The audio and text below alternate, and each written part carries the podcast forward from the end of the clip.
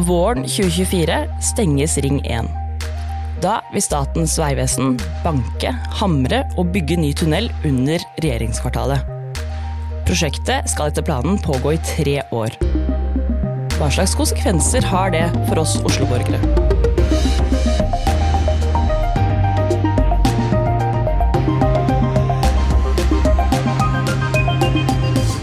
Velkommen til Oslopodden, din ukentlige nyhetspodkast fra lokalavisen Vårt Oslo, som er vår arbeidsplass, Vegard. Stemmer. Velkommen, folkens. Jeg heter Oda, og sammen så går vi nærmere inn på én nyhetssak fra bybildet den siste uka.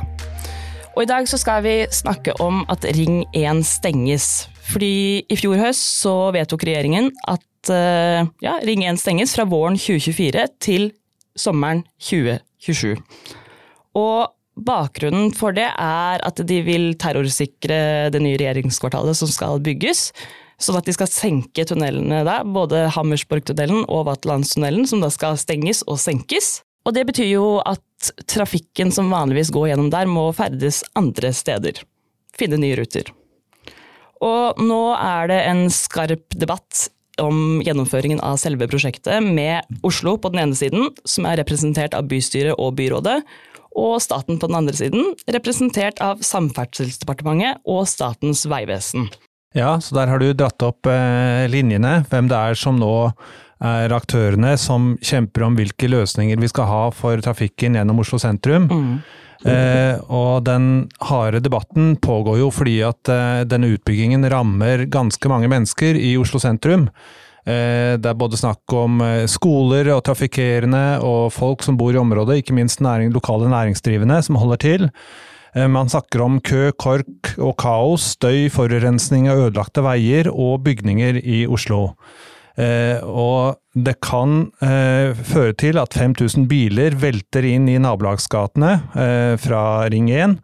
Eh, man snakker om store og negative følger for beboere i området, og skoler ikke minst. Og for å nevne noen av de skolene som kan eh, rammes av dette her, så er det Møllergata skole, Steinerskolen, St. Sunniva skole, Majorstuen skole, Marienlyst skole, Lakkegata skole, Val skole, Tøyen skole, Grünerløkka skole og Ila skole. Det er mange skoler. Det var en lang liste ja.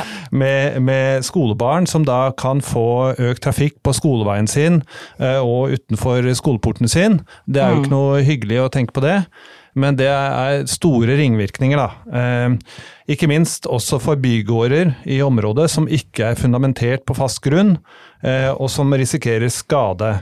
Eh, ikke minst så blir det forverret fremkommelighet for myke trafikanter, for syklende og gående. Og det er også stor uklarhet rundt den såkalte nødtraseen, altså hvor mm. bilene alternativt skal kjøre hvis det skjer noe på denne nye veien. Da. Og Nå er det jo snakk om at det kanskje skal være en nødtrasé gjennom eh, Rådhusplassen? Ja, det har vært en, det har i hvert fall så langt den skisserte løsningen.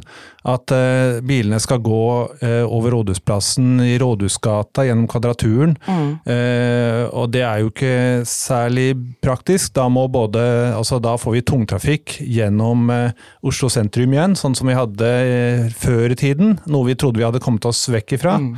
Vi trodde vi hadde blitt en bedre by. det har vi altså ikke. Nei, så nå er vi tilbake igjen til, til scratch og tung trafikk eh, langs eh, havnesiden og Rådhusplassen i Oslo. Mm. Det kan jo tenkes at uh, man finner alternative løsninger, men det har i hvert fall så langt blitt den løsningen som er skissert. da. Ja, og det her kommer jo, altså sånn, Oppsummert så kommer jo det her til å ramme veldig mange.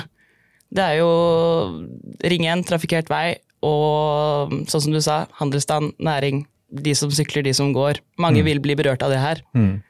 Det er kanskje mange som ikke har fått med seg dette her ennå. for at uh, Utbyggingen starter jo først om et halvt år, som Oda var inne på i starten. Det er likevel viktig å, å, å skjønne at dette her kommer til å, å påvirke oss ganske sterkt, uh, om ikke altfor lenge. En del mennesker har nok satt seg inn i det og, og føler seg berørte og engasjerte allerede. Og for å uh, orientere oss litt mer om hva som skjer, så har vi fått en av de mest engasjerte personene vi kjenner eh, knytta til denne saken, nemlig Øystein Aulien, som til daglig leder et, eh, en organisasjon som kalles for Turinsamarbeidet. Eh, og Tullin, til de som ikke vet det, det er jo området rundt St. Olavs plass, Pilestredet, eh, på toppen av Ibsentunnelen. Eh, der hvor noen kanskje kjenner Fuglen kafé, som ligger i Pilestredet. Det området der, det er, er Tullin. Uh, og her har, har Øystein uh, uh, engasjert seg i hva som blir konsekvensene. men aller først, Øystein. Kan du si litt om hva er Tullin-samarbeidet? Hva er det dere holder på med?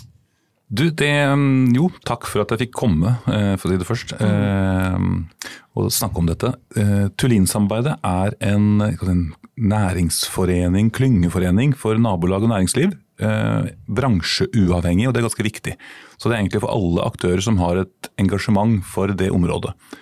Og Det er et, eh, egentlig en ny bydel i Oslo som har blomstret frem nå i det siste. For 20 år siden så var dette et område som du folk, Du skal ikke bevege deg i dette området. Det var litt sånn skummelt og dodgy. det var helt utafor. Mm. Og nå har det blitt et område som blomstrer frem. Eh, det er masse serveringssteder der, uteliv. Eh, kulturaktører, gründere, næringsliv som jobber mm. i samspill. Så Tullinsamarbeidet organiserer alle disse. Eh, og målet vårt er egentlig å løfte fram Tullin som et Oslos nye sentrum for skaperkraft, som vi kaller det. og jobbe med aktiviteter for det området. Mm. Og vi ble stiftet for snart to år siden, sånn formelt. Eh, omtrent samtidig som vi begynte å, jobbe med og fikk snusen i dette Ring 1-prosjektet. Mm. Øystein, jeg er også litt nysgjerrig på hvem du er. Kan oh. du si litt om eh, bakgrunnen din? Du er jo Oslo-borger som oss andre her, og vi er jo da naturlig nok også interessert i hvem du er som, som brenner for det her. Ja, ja. ja du, ja, jeg, jeg, bor i Oslo, veldig glad i Oslo. Jeg er innflytter, som over halvparten av Oslos befolkning er. Jeg er opprinnelig fra Sarpsborg. Eh, og jobber egentlig med det som kalles byliv. Jeg jobber med, som bylivsutvikler. Eh, om å organisere områder og steder. Jeg har hatt en glede av å bli veldig godt kjent med Tøyen eh, og rundt Tøyen torg. Flott bydel, der bor jeg. Ja, nydelig. Det er mye fine folk. Eller område er det vel ikke ja. en bydel, men flott Nei, område. Det er et flott område, masse fine folk. Og det er litt av kjernen i det jeg jobber, er å jobbe med folka. Og på Tøyen så er det mye bra mennesker. Så jeg jobbet også en del med Grønland, Jungstorget, Lysaker eh, og Tullin. Mm. Eh, så, det har, så, det startet eh, på Tullin med at flere aktører hadde lyst til å se hva kan de gjøre mer sammen. Og de kontaktet meg og lurte på om jeg kunne hjelpe dem litt med det. Bl.a. Entra, som har bygget ganske mye i området. Med Rebel, eh, Trekantblokka eh, mm. og Tullin Kvartalet. Eh, til, til, de som ikke veit det, så er jo Entra en stor statlig entreprenør som bygger masse forskjellig i byen. Ja, det er jo et, eh, en kommersiell aktør, eh, men som er en utvikler som er offensiv. Gjør mye bra for byen, sånn sett. Det kan sikkert noen sikkert diskutere, da. Men det er i hvert fall vært et veldig bra eh, samarbeid. og det, det, som er litt storyen for veldig mange eh, innenfor byutvikling, er at man er opptatt av bylivet på bakkeplan. og Det har mm. vært noe Enter har vært veldig opptatt av her på Tullin. Med hvordan man skal få alle de som jobber der eh, til å komme ned på bakken og bruke stedene rundt der. Og Det har også vært noe som har vært veldig viktig for nabolaget som også er eh, i dette området. Så Tullin er jo, som du sa Vegard, det er jo et nytt område eh, som favner både på nord- og sørsiden av eh, Ring 1. Ja. Så det er både litt bydel Sankthanshaugen, så er det litt bydel sentrum, eller bydel null som jeg har kalt det. Det er den mm. eneste bydelen som ikke har en egen administrasjon. Mm. Du er jo også kjent for å ha samlet inn hva er det for noe, 1300 sanger eller sånn om Oslo? Ja, eller i hvert fall den lista som jeg begynte på, uh, List of Songs About Oslo, som nå er 1148. Det fikk jeg vite i går.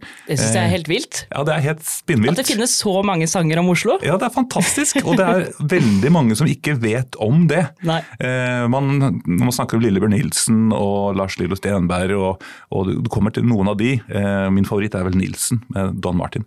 Men eh, det, er, eh, det, er, veldig gøy, så det gjør jeg også, litt på si. Mm. Sammen med andre. Det er flere, det er flere som En som heter Øystein Vea annet, som har samla de kanskje 300 siste. Fantastisk å få flere til å spille eller melde inn låter. Oslo-sanger. Det er veldig gøy. Mm. Glad i Oslo, da, med andre ord. Jeg er det. Ja. Og synger i kor. Det gjør du også, Vegard. Vi synger begge i mannskor. Eh, og skal ha korkonsert til, til våren på Oslo-dagen 15. mai i Oslo Storstue, Oslo konserthus med Oslo synger. Ja, det blir bra. Ja, jeg synger i Vålerenga mannskor, og du synger eh, i et akademisk, Gullberg akademiske, stemmer ikke det? Sangselskapet Gullbergs akademiske kor, ja. Men Øystein, Ja. hva er det som engasjerer deg så fælt med stenging av Ring 1? Du, altså Ring 1-prosjektet, og det er viktig å skille mellom to ting her. Det er ikke sånn ja eller nei til Ring 1, eh, men det er selve prosjektet som nå ble vedtatt gjennom statsbudsjettet for 2023 og igangsatt. Eh, Vi har jobbet med dette her nå i to år. eh, I forsøk- Tullin-samarbeidet? i Tullinsamarbeidet, ja. Mm. Tatt initiativ overfor Statens vegvesen for at det prosjektet, som er ganske Det er et svært inngripende mm, prosjekt, statlig prosjekt, som vil få konsekvenser for hele Oslo og langt utover Oslos grenser. Folk som bor på Lørenskog eller i Asker vil merke ganske mye av den stengingen som begynner til våren. På hvilken måte da? Trafikk. Ja. Det er eh, målt eh, 17 000 eh, biler og busser som hvert døgn eh, går gjennom eh, Hammersborgtunnelen. Eh, Så tror man gjennom analyser at 10 000 av disse eh, skal man få plass til i Operatunnelen. Mm. Eh, Og så at det er 2000 som kanskje blir borte. Og så er det da 5000 biler igjen som man ikke helt vet hvor skal gå. Mm. Så Det er jo én ting for hele byen, men det som vi også er eh, veldig opptatt av, er hvordan det skal påvirke, altså hvordan selve RIGG-prosjektet i Pilestredet skal se ut og fungere for et område som nå har blomstret. Så det er eh, og Det blir byggegjerder, så hele området i Pilestredet, der blir det høye byggegjerder. Mm. Fire-fem meter kanskje. Eh, Det skal inn en gangbro over Pilestredet. Det er veldig mye, mye, det er veldig inngripende for eh, et eh, område som er basert på at folk skal gå på bakkeplan. Mm. Eh, Og Det som er vår utfordring nå, er at vi ikke helt får eh, til den gode dialogen eh, og samspill og samarbeid med Vegvesenet og entreprenøren eh, i forståelsen av hva byliv er, og viktigheten av byliv. Og i forhold til altså, myke trafikanter, eh, syklende og bevegelseshemmede, faktisk. Mm. Men jeg har også lyst til å høre, du sier at uh, dette ikke er en, en eh, diskusjon uh, lenger om selve prosjektet, uh, om ja eller nei til prosjektet, men om gjennomføringen av det. Eh, men eh, eh, altså det, i sin tid så var det jo også en diskusjon rundt selve gjennomføringen av det, Ja. eh, hvor det også var sterk skepsis fra Oslo og byrådet og bystyret om i det hele tatt å gjennomføre det. Mm. Eh, Men den kampen har du gitt opp nå, og du tenker at det er greit at eh, man kjører på. Og du, du kjøper argumentet om at eh, dette handler om sikkerhet. Nei, jeg syns egentlig ja, altså, det, er jo, det er jo også en egen kamp, da. Jeg syns Andreas Slettholm hadde en bra kommentar i Aftenposten her for et par uker siden om akkurat det. Nå skal vi altså stenge denne Ring 1 i tre år. Da kommer biler til å finne andre veier. Vi kommer til å finne løsninger. Og så skal vi faktisk da om tre år åpne opp igjen for masse biler gjennom denne tunnelen. Det er et eller annet som er litt sånn kokkeli-munke, klin kokos i i den eh, rasjonale. Eh, Så vi kan jo diskutere det også, men det viktigste for oss er å sikre at ikke nå næringslivet i området dør om å legge ned bedrifter, altså, først, altså, altså serveringsaktører, restauranter som måtte ha vært gjennom både pandemi og nå en dyrtid i forhold til kostnader osv. Skal i tillegg få dette eh, foran seg, som gjør at folk ikke kommer til området. Folk vil skygge unna fordi det blir støy, eh, bråk, murer, vegger. Eh, Det blir ganske utrivelig. Eh, Det er det vi er mest bekymra for. Ja, Dere som bor der i nærområdet, som må forholde eh, dere til det hver eneste dag, da. Ja, Både de som, jobber, som, som, de som jobber der, og de som bor i nabolaget på oversiden, som er ikke spesielt fornøyd med hvordan dette her har blitt eh, kjørt frem. Ja, jeg, jeg skisserte jo en del konsekvenser av denne utbyggingen i starten her. Syns du det hørtes riktig ut eh, det jeg sa der? Hva, hva er det som bekymrer deg rundt utbyggingen? Nei, det er to ting vi er veldig opptatt av. Det ene er jo som sagt dette med næringslivet og tapt eh, omsetning, rett og slett, for eh, mange av stedene. Eh, og det andre er jo trafikken i nabogatene.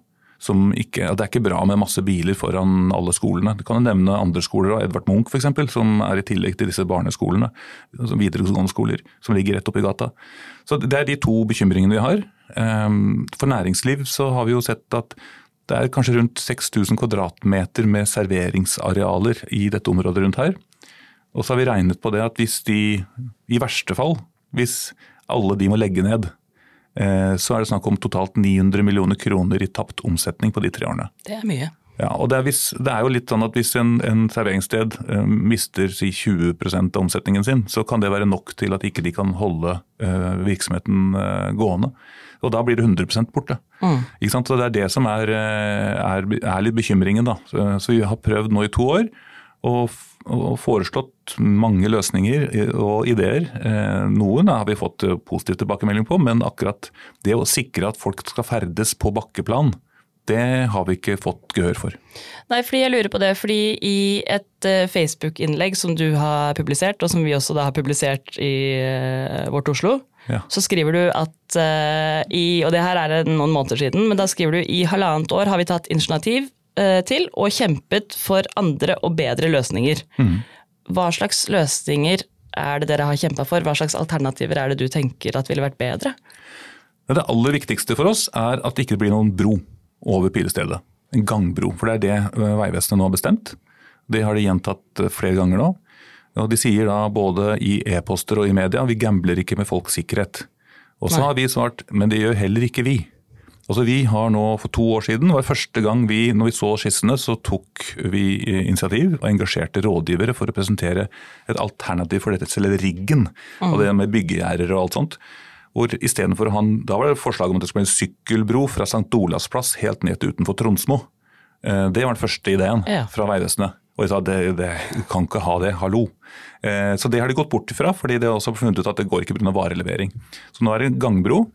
Men vi mener fortsatt at det går an, og vi har jo vist det. Og vi har fått HMS-folk til å bekrefte at det er fullt mulig å ha universitetsgata åpen. Sånn at folk som kommer med sykkel eller går eller med rullestol eller hva det er, kommer fra St. Olavs plass og skal ned til sentrum, eller andre veien, kan bruke gå over bakken. Eh, så det er en sånn portløsning som vi har foreslått, eh, med skyveporter og, og svingporter i kombinasjon med trafikkvakter osv. Så, videre, så går det an å ivareta at folk skal ferdes på bakkeplan. Det, det er en, en, løsning som går an. Mm. Men vi får ikke noe gehør for det, annet enn at vi gambler ikke med folks sikkerhet. Og så etterlyser vi da eh, konsekvensvurderinger, risikoanalyser og dokumentasjon fra Vegvesenet på hvorfor ikke vår løsning går. Og det har vi ikke fått ennå. Vi får ingenting. Jeg skjønner, så her er det ulike tanker om, om hvordan man skal eh, bygge ut uh, denne veien, og, og, hvordan det vil ramme næringsdrivende. Men det jeg ikke helt forstår er, altså for nå snakker vi jo om uh, bilister, da. Uh, hvordan vil dette ramme antallet gående? Hvorfor vil altså de næringsdrivende og spisestedene i området rammes av dette her? Altså folk som er på bakkeplan rammes jo ikke i så stor grad av denne utbyggingen, gjør de det? Vil ikke altså, de fremdeles gå til disse spisestedene? Altså Bilistene stopper jo uansett ikke opp for å gå til spisestedene. Nei, og Man lever jo ikke av bilistene, man lever jo av de gående. Man lever av folk som kommer til området og ferdes dit, og som ønsker seg dit. Eh, så det vi har, eh, har, foreslått er jo ulike løsninger med å bruke byggegjerdene til kunst, kampanjer, aktiviteter, arrangementer.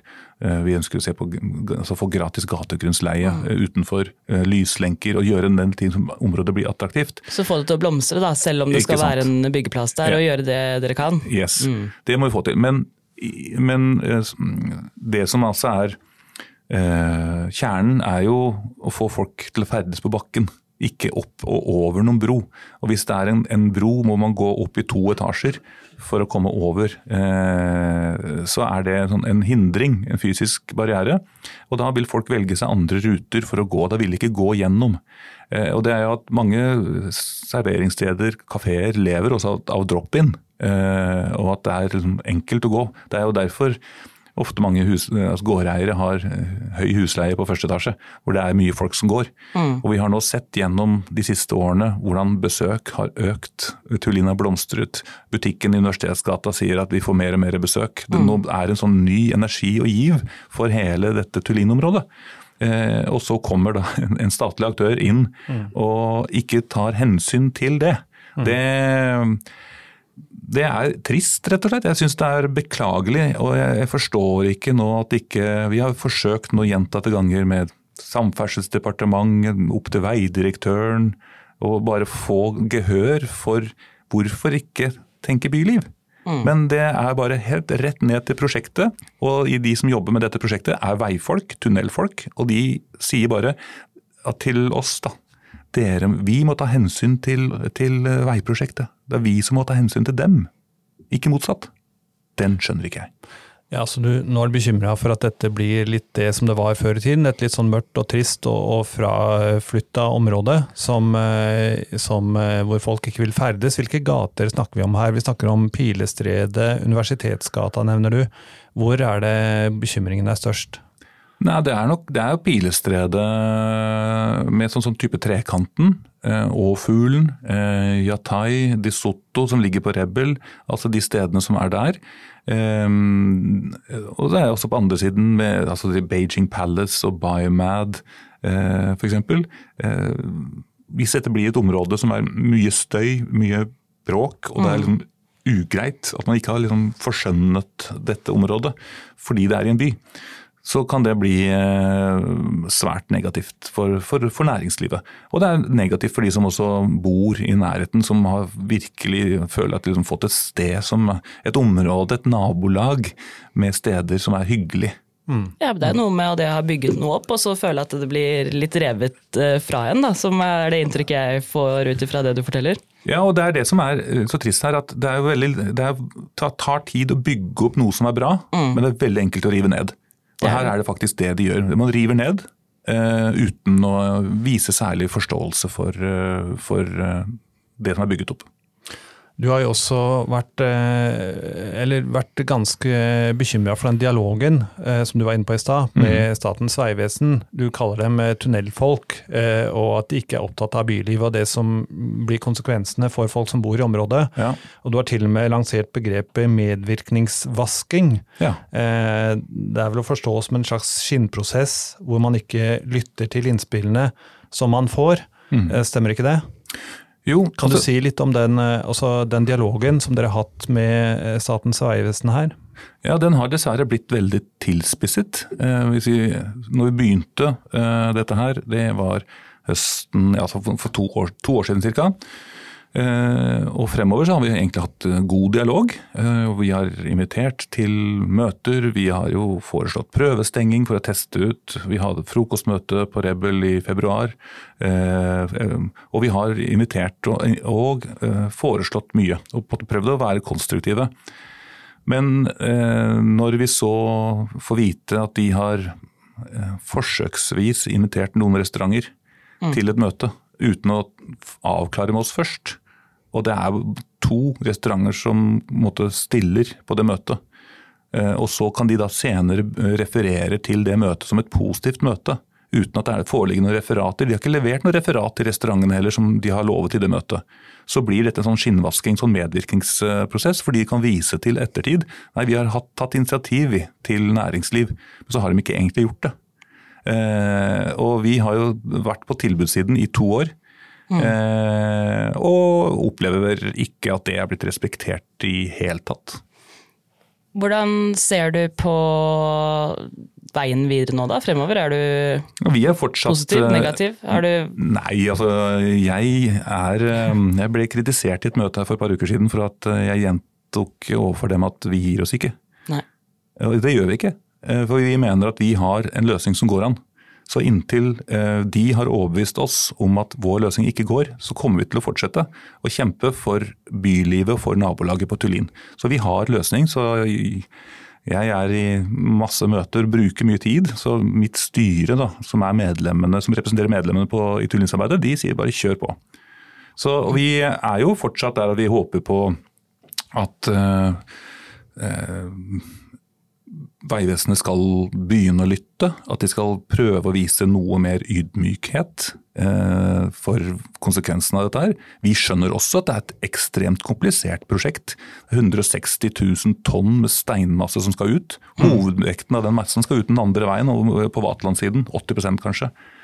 Eh, også en del materialer som skal inn. Eh, og det er alunskifer inni der. så det er liksom det er jo gasser som ikke er så veldig bra. Så vi, vi, skjønner at dette her er komplisert. Men det er fullt mulig likevel å løse det på en bedre måte for, for folk som enten går eller sykler eller altså beveger seg på bakkeplanet. Det er det en by er. Oslo har jo blitt en fantastisk by for, med byliv på bakkeplan. Så, mm. Mm. Helt enig. Er, er, det noe du ser på som positivt her med, med den utbyggingen? Positivt med dette prosjektet? Det, der sliter jeg litt, altså. Jeg må si det. Eh, det positive er vel kanskje at vi som alle som er på Tullin, eh, blir tettere. Eh, vi står tettere sammen. Mm. Vi hadde senest et møte i går på Trekanten med masse folk, også med Oslo kommune for øvrig, til stede. Og alle heier jo på at vi står på dette her. For det er viktig at det, ikke, det er jo ikke noe sånn soloprosjekt at jeg skal kjøre det frem. Det er vi som alle eh, kjører mm. frem dette her, og vi er opptatt av å få til eh, godt liv på, på bakken. Så, så, sånn sett er det jo en, en måte å Det er det positive. At vi, vi får det, den forankringen da, og får eierskap og vi blir tettere sammen. Mm. Tusen takk for at du kom til oss, Øystein Aulid. Oslopodden er tilbake med en ny episode neste torsdag. Og hvis du vil bli oppdatert når vi har en ny episode ute, så må du gjerne abonnere på oss i podkast-appen. Vi snakkes!